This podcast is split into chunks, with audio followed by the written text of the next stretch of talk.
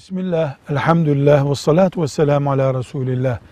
Tuvalette gazayı hacet yaparken yani insan tuvalet ihtiyacını görürken çok zorunlu olmadıkça konuşması, oradan telefona bakması, telefona cevap vermesi, içeridekilerle konuşması Müslüman edebin dışında kalan edep dışı bir harekettir.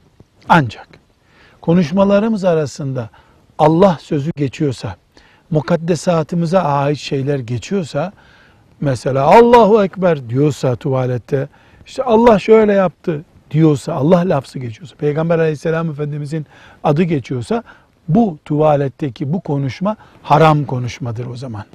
Onun dışında sıradan basit şeyleri konuşmak Müslüman edebinin dışında kalan edep dışı bir harekettir. Velhamdülillahi Rabbil Alemin.